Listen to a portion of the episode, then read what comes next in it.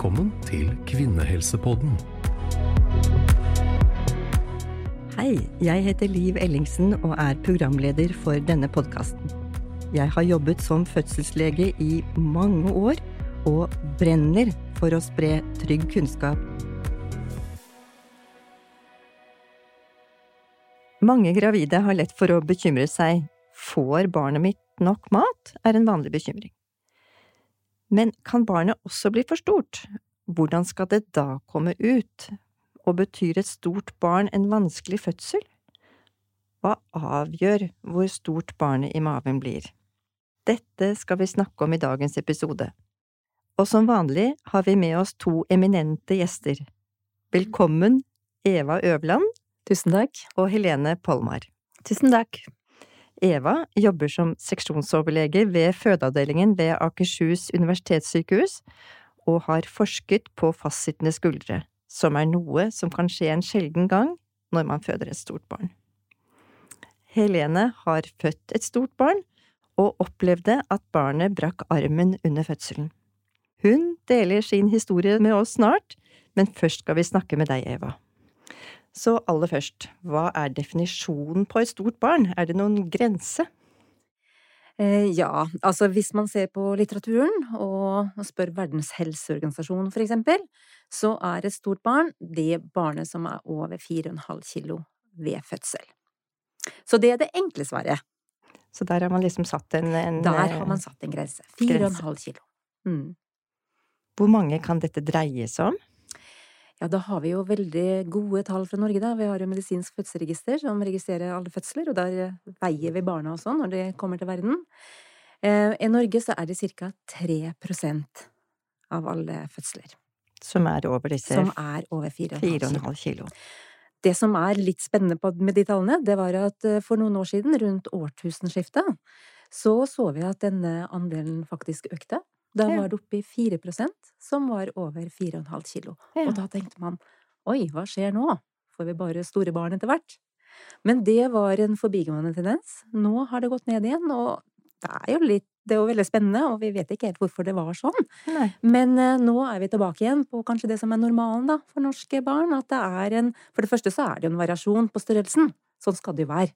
Det er jo normalvariasjon på, på størrelse også når det gjelder fødselsvekt.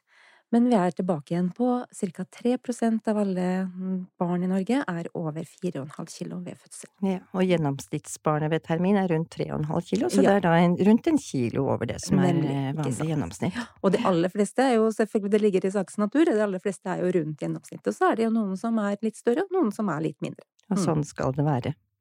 Så hvordan skal man da finne ut hvor mye barnet veier? En ting er å legge de på en vekt når de er født, det er jo ganske Mhm. enkelt. Men å Det det- finne ut hvor store barna er i maven, det Ja. er det mange som har Ikke på. sant. Nei, for det, det er du inne på, at skal vi ha helt sikker vekt, så må vi jo da putte det på en vekt. Og da må vi ta det ut av magen og, og legge det på vekten, og det er litt upraktisk kanskje, å gjøre det gjennom svangerskapet. Det gjør vi jo først etter barnet er født.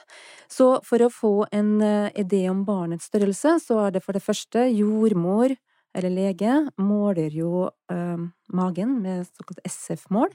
Utvendig måling Ja, med utvendig målbånd, måling rett og med et målbånd, der man måler rett og slett etter eh, gitte regler eh, størrelsen på, på magen, hvordan magen vokser. Dette gjør man på hver svangerskapskontroll. Det gjør man.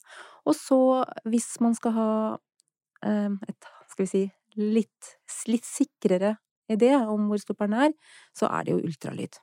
For en sånn måling utvendig, det er et usikkert mål, det kan vi vel si. Det er et usikkert mål, og det er jo først og fremst utvikla for å finne de små barna. For det er det bekymringen har vært. Det har vært de små barna. Absolutt. Og det å plukke ut de store barna, det har vi virkelig problemer med. Mm, der har vi større utfordringer.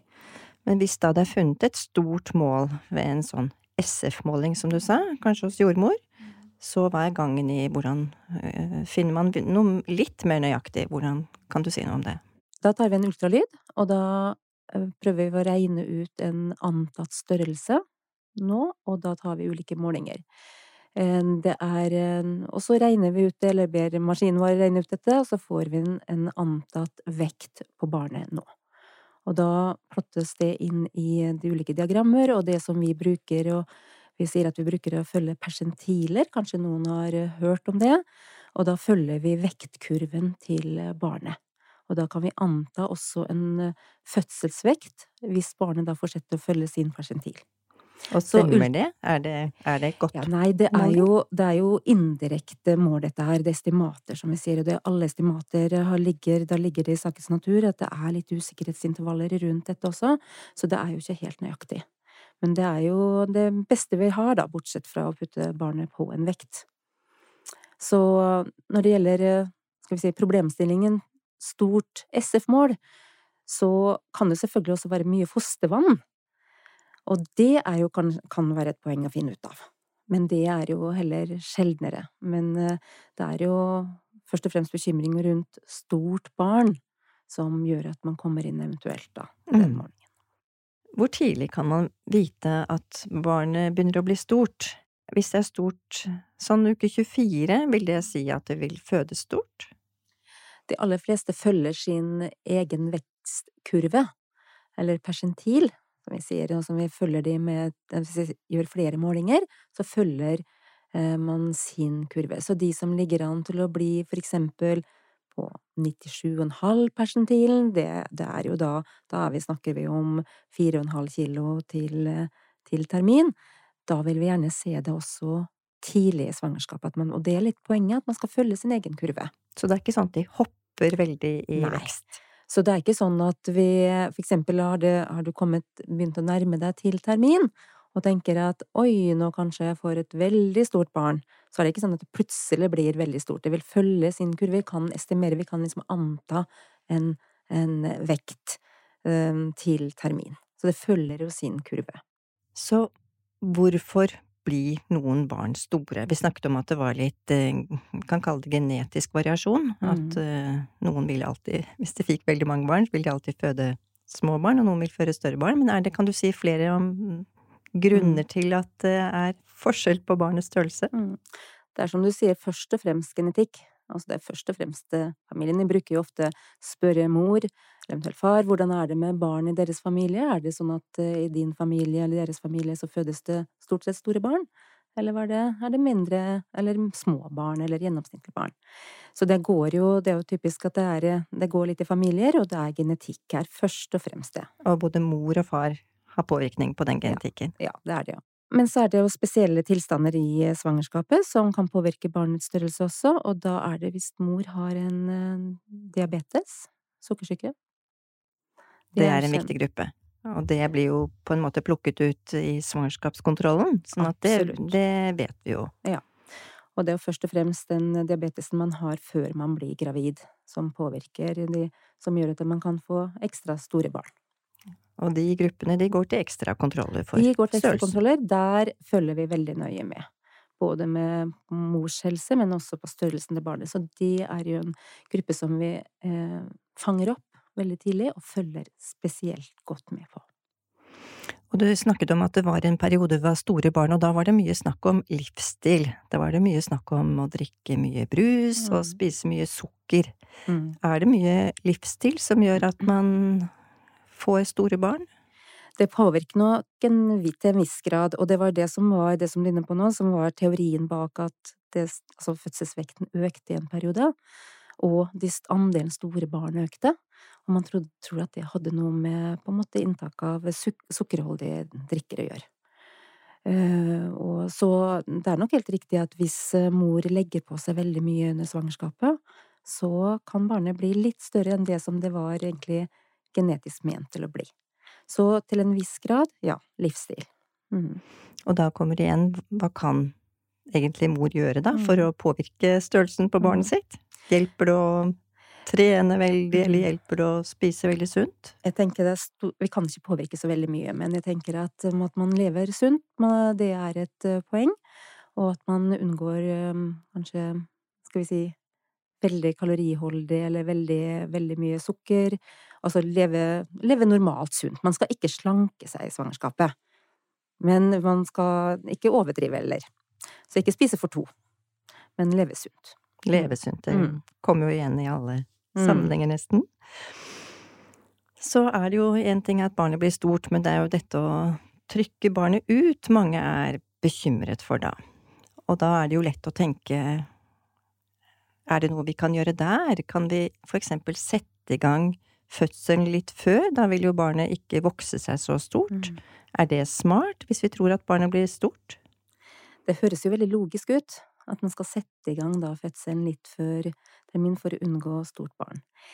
Men det er jo ikke så enkelt som det egentlig. er. Det er veldig, veldig, veldig sjelden at vi tenker at det er en god idé å sette i gang fødselen. For det første så er det jo sånn at hvis barnet har tenkt å bli, eller hvis det er sånn at det ligger an til å bli et temmelig stort barn, så må man jo sette i gang veldig tidlig, da. Og det er jo Altså, for å vinne den For at du skal unngå at barnet legger på seg eller blir tyngre, så må man jo på en måte bruke Sette i gang fødselen i god tid. Og det er jo ikke heller så heldig. Vi tenker jo at de fleste barn har jo godt av å være i magen inntil termindagen, eller rundt termin. Eh, så da må man jo sette i gang veldig god tid, og de er jo ikke så heldige. Og så er jo ikke igangsetting så veldig enkelt heller bestandig. Det er det ikke. For gangsetting, da er det for det første så kan det ta tid. Det er slitsomt for eh, mor, må ligge på sykehus i mange dager. Og kanskje aller viktigste, det vi ser, er at um, det kan, vi kan skape en del, skal vi si, problemer også. Det blir jo, vi vet jo at igangsetting, det er, det gir økt forekomst av såkalt langsom fremgang i fødsel. Altså dårlige rier. De beste riene lager man jo egentlig sjøl. Så det å sette i gang og påføre kunstige rier medfører en, en større risiko for en langsom, fødsel, langsom, fremgang i fødsel, og større risiko for en vakuum, tang eller også keisersnitt. Og det kan også være ganske slitsomt for barnet. Så vi må ha en god overvåkning underveis i fødsel, da. Så, Dette gjelder særlig for førstegangsfødende, men også for flergangsfødende. Mm. Mm. Så det å sette i gang er ikke nødvendigvis en, skal vi si, et godt alternativ. Det er, for ofte så er det best å vente på egne rier. Men hva med keisersnitt, da? For det kunne man jo gjøre. Å plukke mm. ut de som ville bli mm. store, og så rett og slett eh, unngå vaginal fødsel hos de. Mm. Men da er vi tilbake til spørsmålet var, var for stort? For jeg tenker at det er veldig individuelt, det også. Det som er kanskje for stort for én kvinne, er ikke det for en annen kvinne, så vi må tenke, tenke individuelt. Så, men ja, av og til hvis vi finner at det er et svært stort barn, og kanskje mor har en diabetes, og barnet har blitt på en måte litt for stort i forhold til genetikken, så kan det være hensiktsmessig å gjøre et keisersnitt, ja. Men det, da snakker vi om de veldig store barna, eller der det er sykdom hos mor, eller eventuelt hos barnet. Og dette har vi retningslinjer for, så det er noe vi på en måte prøver å plukke ut, mm. men det er en veldig sjelden gang, ikke sant? Mm. Det er veldig sjelden, og det er, um, og det er sånn som du sier ved retningslinjer for dette, vi snakker jo om dette her i fagmiljøet og har blitt enige om hvordan vi skal forholde oss, slik at vi er uh, Vi gjør det stort sett ganske likt, og at vi har, uh, skal vi si, kvalifisert uh, vurdering bak. Og så må jeg jo si at vi må ha en individuell vurdering. Altså at vi må se på den enkelte kvinne. Eh, vurdere altså har hun førstegangsfødende, har hun flergangsfødende, hvis hun er født før, hvordan har det gått i de svangerskapene og de fødslene. Så vi må ha en individuell vurdering på det. Nå har vi snakket om at et stort barn kan være vanskelig å få ut, men betyr, er det egentlig sånn at et stort barn mm. nødvendigvis betyr en vanskelig fødsel? Du har kanskje sagt det litt? Absolutt ikke. De aller fleste som har et stort barn, vil føde helt ukomplisert. Men vi vet at stort barn er en Hvis det foreligger en viss risiko for at fødselen går langsomt fremover, såkalt langsom fremgang, eh, kanskje vi må stimulere med, med eh, hormoner, eh, pitosin, for å få fremgang, og det hender da at det stopper opp, og at vi må gjøre et keisersnitt. Så det er den vanligste den måten van... kroppen sier fra at barnet ja. er for stort på, det er at fødselen stopper opp. Nemlig. Det er den vanligste komplikasjonen, kan vi si. Og da har vi jo en plan B. Da gjør vi jo et keisersnitt. Og da har vi jo operasjonsstuene like ved, og vi, vi flytter, flytter, over dit og gjør et keisersnitt. Og noen sier jo da at ja, men da var det jo bortkasta med disse riene jeg hadde. Men det er det jo ikke. For rier er jo bra for mors mors kropp og for mor, men også en bra stimulering for barnet. Så det er verdt å prøve det allikevel. Og kommer du lenger i fødsel, og det blir full åpning, og man begynte å trykke, så kan det være at det går langsomt fremover da også, men da har vi muligheten til å gjøre en sånn såkalt operativ vaginal forløsning, altså med vakuum eller tang. Så det er de hyppigste komplikasjonene ved stort barn. Og så kan det jo være det at mor mm, får mer blødning, altså at livmoren er litt sliten etterpå, sånn at det tar litt tid for å få livmoren til å trekke seg sammen, og at det blir mer blødning. Og så ser vi også eh, noe økt forekomst av rifter hos mor. Så kommer vi til ditt spesialområde, Eva. Hva hvis skuldrene sitter fast? Det, det mm. vanlige er ikke det. Nei. Når vi snakker om fastsittende skuldre, eller det som på medisin kalles eh, skulderdystosi, så er det en veldig sjelden tilstand. Det er ca. ja, 1 av alle vaginale fødsler i Norge eh, blir klassifisert som en eh, skulderdystosi, eller fastsittende skulder. Um, det er de aller fleste tilfellene der, så går det også helt bra, fordi at vi er trent i dette. Det er, noen, det er en situasjon vi trener på, og som vi er veldig oppmerksom på. Men eh, når vi snakker om risiko for det, så er det jo først og fremst stort barn. Og så er det diabetes hos mor, som vi var inne på, det gir jo stort barn, men det er det vi kaller en selvstendig risikofaktor også. Så vi er ekstra på vakt hvis det er en kvinne med diabetes som, som skal føde. Et stort barn. Ja. Et stort barn, ja. Og, men jeg må jo understreke at det er veldig sjelden. Men det er jo en komplikasjon som vi er engstelige for, for i verste fall, så hvis det tar tid, så kan jo det skade barnet. Det er jo rett og slett at det kan bli en, en oksygenmangel hos barnet, og i verste fall at barnet dør. Det er mange år siden, altså mellom hver gang det skjer i Norge, det må jeg understreke, så det er veldig, veldig sjelden. Men det er som fordi at det er en så alvorlig komplikasjon, så er det noe vi er oppmerksom på, og som vi eh, trener på for å håndtere. Det som også kan skje med barnet, at det får en såkalt pleksusskade. Det er en skade av nerverøttene i halsen, ehm, fordi at man eh, Nakken til barnet blir en slags strekk på nakken, som kan medføre at barn, barnet får um, påvirkning av nervene ut til armen, slik at det kan bli en delvis lammelse av armen. Og den går oftest tilbake, men oftest den kan også bli Ja. Og de aller fleste som har fastsittende skulder, vil ikke oppleve disse komplikasjonene her. Og hvis det blir en såkalt pleksusskade hos barnet, så vil de aller fleste av de gå tilbake av seg selv. Noen få, jeg tenker én til fem i året, er, får en varig skade. Da får de oppfølging og eventuelt operasjoner, og kan få en varig funksjonsnettelse i armen. Men de aller fleste som har en fastsittende skulder, opplever ikke dette. Mm. Og du har jo doktorgrad om fastsittende skulder. Hva fant du egentlig i forskningen din? Mm. Det første spørsmålet mitt var hvilken råd man skal gi til en kvinne som har opplevd dette før. Altså hvis man opplevde dette første gang, kan vi si at det er trygt for henne å føde andre gang? Altså er det en gjentagelsesrisiko. Og årsaken til at eh, jeg tenkte at dette var interessant, var jo fordi at jeg hadde kvinner til samtale etter at man hadde etter at hun opplevde en fastsittende skulder, og jeg prøvde å finne svar i litteraturen og forskningen på dette, men det er jo naturlig nok veldig lite studier på gjentagelsesrisiko av en sjelden tilstand.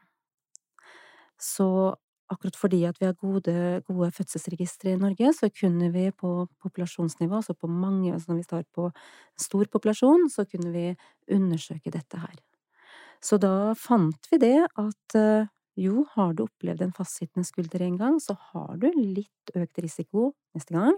Det er altså rundt 1% risiko hvis du ikke har hatt det før, men har du hatt det en gang før, så er det 7% risiko. Men det som var aller viktigst, tenkte jeg, som var litt overraskende for oss, og som jeg tenker er viktig budskap, da, at, er at eh, dette var kanskje enda mer korrelert til størrelsen på barnet. Så hvis du har opplevd det en gang, og nå venter et normalt stort barn, så har du ikke noe økt risiko enn andre andregangsfødende, men venter du et stort barn, og da snakker vi om rundt 4,5 kilo eller mer enn det, så er det faktisk en ganske høy risiko. Så akkurat de kvinnene vil jeg si skal forløses med keisersnitt. Da kan vi på en måte plukke ut de og si at råde de de at eh, Så derfor så, akkurat de, så er vi veldig nøye på å måle størrelsen på barnet og prøve å lage oss en kvalifisert oppfatning om hvor stort barnet er. Og ligger det an til å bli et eh, så stort barn da, så vil vi anbefale keisersnitt. Og så må vi jo si det at eh, det er jo sånn at vi blir jo Altså det kan jo være en situasjon som Altså selv om ikke barnet andre gang er så veldig stort, hvis det har vært en veldig traumatisk opplevelse for mor, for eksempel har barnet blitt skadet eller har en pleksusskade første gang, så vil vi jo, sånn, hvis mor ønsker det, til tross for at barnet ikke er så stort, det barnet venter nå er ikke så stort, så vil vi jo innvilge et keisersnitt, eller bli enige om at vi gjør et keisersnitt. Vi har jo, vi snakker jo sammen om dette, det blir en individuell vurdering. Ja. ja. Mm. Det var mye snakk om teori, Helene, men nå skal vi til det virkelige livet. Du Ja. har født eh, ja, to ganske store barn, Mhm. og opplevde faktisk at skuldrene satt fast på nummer to. Kan du fortelle oss litt, begynn med fødsel nummer én? Eh, med nummer én, hun var jo også mm, ganske stor. Hun var rundt fire kilo. Mhm. Eh, og eh, den fødselen, der fikk jeg jo mm, epidural, og det gikk vel sånn ganske normalt for seg ganske lenge. Eh, men jeg presset vel i en times tid, og hun kom ikke ut og måtte bli mm, forløst med vakuum. Ja, det var en ganske lang fødsel, var det ikke det? Ja. Så det var det jo. Eh, og så skulle jeg jo inn igjen eh, på nytt eh, med nummer to. Eh, og da var jeg nok eh, litt forberedt på at hun også skulle være stor. Eh, Men du hadde ikke vært til noe ultralyd og fått eh, Nei. vurdert størrelsen? Jeg kan ikke huske det, altså. Men, eh, men jeg vet at de mål, de, hun eh, målte jo utvendig, iallfall. Og siden nummer én hadde vært såpass stor, så hørte jeg, så sa hun vel et eller annet om at for hvert barn så legges det på 300 gram, eller et eller annet. Ja. Så du var litt forberedt på at Jeg dette var var et- forberedt, og hadde også en bekymring rundt det om eh, I og med at det førstemann eh, At jeg hadde vanskelig med å få ut førstemann, så var jeg litt bekymret for, for det. Fikk du også kommentarer fra andre at du så stor ut? Ja, det gjorde jeg vel. Altså, jeg er jo liten selv, men jeg hadde jo veldig stor uh, mage. Ja. Ja. Eh, men jeg var litt sånn typisk bakfra, kunne man ikke se at jeg var gravid. Var, men veldig, veldig eh, stor mage, ja. Eh, men jeg kom nå inn, og den fødselen gikk jo mye raskere. Jeg kom inn på åtte centimeter, og da vi fikk rom, så hadde jeg vel ti centimeter åpning. Så da var det bare å gjøre seg klar og begynne å presse. Fikk du noe bedøvelse da, eller? Mm, nei, det rakk vi ikke. Det tror jeg det var vel det første jeg spurte om da jeg kom inn døra på, på Rikshospitalet, var eh, dere, må dere må kalle på um, anestesilege. Jeg må ha epidural. Men det rakk vi ikke, da. Så Du det var var litt kommet for langt i fødsel til at det ville Ja, være noe god ja, Hjelp. det fikk jeg beskjed om at det ikke var noe poeng. Og jeg vet jeg fikk noe lokal bedøvelse, men det opplevde jeg ikke at det hjalp sånn veldig. Nei. Eh, og så gikk det veldig fort. Jeg hadde Jeg husker at det var eh, eh, Riene kom sånn på rekke og rad. Jeg omtrent ikke klarte å puste imellom der. Eh, og hadde jo da hadde jo denne andre fødselen eh, hvor jeg husker at rommet ble eh, plutselig fylt med mange leger. Og det skjedde jo igjen her. Eh, og jeg tenkte at eh, ok, nå skjer det vel likt da, som eh, med, forrige. For du trykket og hodet kom ut? Ja, jeg presset og presset og presset, og så kom hodet ut, og så var det vel da liksom eh, Altså, sånn jeg har forstått det, så eh, mistet jeg litt eh, Altså fikk en sånn riesvekkelse, at ja Kroppen min, eh, om det var at den trengte en pause eller hva, men eh, det var ikke like trøkk i riene.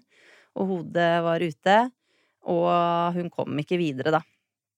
Ble sittende Ble litt sittende fast. fast i skuldrene, da- sånn som vi snakket Ja. om. Og da skjønner jeg jo, har jeg skjønt at klokka tikker litt når det hodet eh, er ute. At da har man ikke så god tid. Eh, Så da, ja.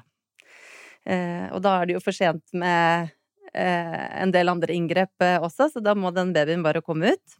Og det Da tok eh, jordmor eh, affære. Og fikk eh, nærmest liksom tatt hendene inn og dratt henne ut eh, i, Og tok henne om skuldrene, sånn jeg skjønte. Mm. Ja. Dreide ut, Ja. kanskje? Og, det, og så husker jeg at hun ble lagt på brystet, og at jordmor sa Jeg tror jeg brakk armen hennes. Ja. Ja.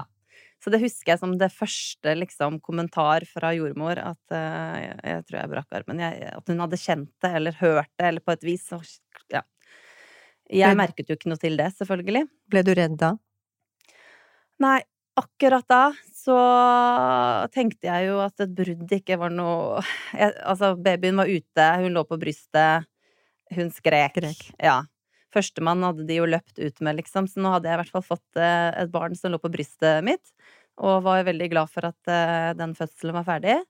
Eh, og de sa at foruten dette bruddet, så fikk hun, hun fikk jo bra Apgar-score, og at hun var frisk og fin, og alt var bra. Så jeg ble egentlig ikke redd, Nei. og tenkte veldig lenge at ok, et brudd, altså det er jo greit, det er jo altså Det er sikkert veldig vondt for hun lille, men, men det ordner seg. Eh, men så ble det jo, husker jeg det ble trillet opp en sånn røntgenmaskin opp til oss Mm. eh, på, fødestue, på fødestuen, og da mm, kom det en lege, og så begynte han å snakke om eh, nerveskader. Ja. Og da, det var vel første gang jeg tenkte sånn at eh, Å, ok. Så det er jo liksom Altså, det kan være mer enn et brudd, da. Ja. Og da hadde jeg litt spørsmål sånn, men hva mener du? Og sikkert masse, mange rare og ikke rare spørsmål. Eh, eh, ja. Og da kunne de jo ikke gi meg så mange svar. Det var noe vi måtte vente litt og se, skjønte jeg. Ja. Mm. Men det var et sånn veldig cleant eh, brudd, rett av. Eh, man så liksom at den var helt sånn, ja. Jeg husker jeg på barselavdelingen gikk rundt med henne, og så hadde hun jo på seg body, men bare med én arm, da. Den andre armen hang jo og slang. Og det var, jeg følte at det var så mange som tittet oppi der og tenkte at jeg hadde fått et barn med én arm. Men eh, jeg, tenkte, jeg hadde ikke noe behov for å forklare det. Jeg tenkte bare ja, ja. Det får de tro. Hun har en arm under der. Det gikk fint videre også. Hun har ikke fått noen skade i det i dag. Ingen skade. Vi fikk veldig god oppfølging, og de så jo veldig tidlig at hun eh, grep fint, hun rørte på armen og alt sånne ting. Eh, så vi var Jeg syns jeg kan huske at vi var på en røntgen med henne ganske tidlig, hvor det var grodd sånn ganske greit, og så var vi på en etter seks uker, tror jeg, eller noe, og da var den eh, helt fin. Og jeg tror vi tok av den fattelen etter elleve dager. Da var det grodd. Så de er jo sånne små supermennesker, Så disse jo babyene. Fornyer seg selv uh, kjapt. gått veldig fint. Det har gått veldig Um, fint. Mannen din var med på fødslene. Det var han. Hvordan opplevde han det? Han øh, Ja, vi snakket jo litt om det. Han øh, syns jo det var øh, Han ble nok litt stressa og bekymret. Men jeg tror også ba, alt bar litt preg av at vi hadde hatt denne førstefødselen som også ikke sant? For hun endte da på nyfødtintensiven, og altså, vi, hadde aller, vi hadde jo den litt sånn friskt i minnet. Så det ble litt hektisk på slutten på den andre fødselen nå, og så var det dette bruddet, så det var nok en sånn liten bekymring. Men igjen, så vi følte oss veldig, veldig trygge på alle Vi fikk jo eh, positive beskjeder hele veien, følte oss veldig trygge på det.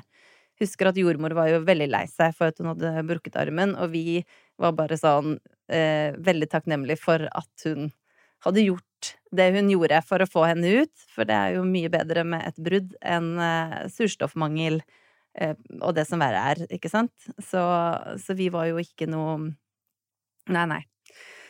Og det, alt gikk jo veldig fint.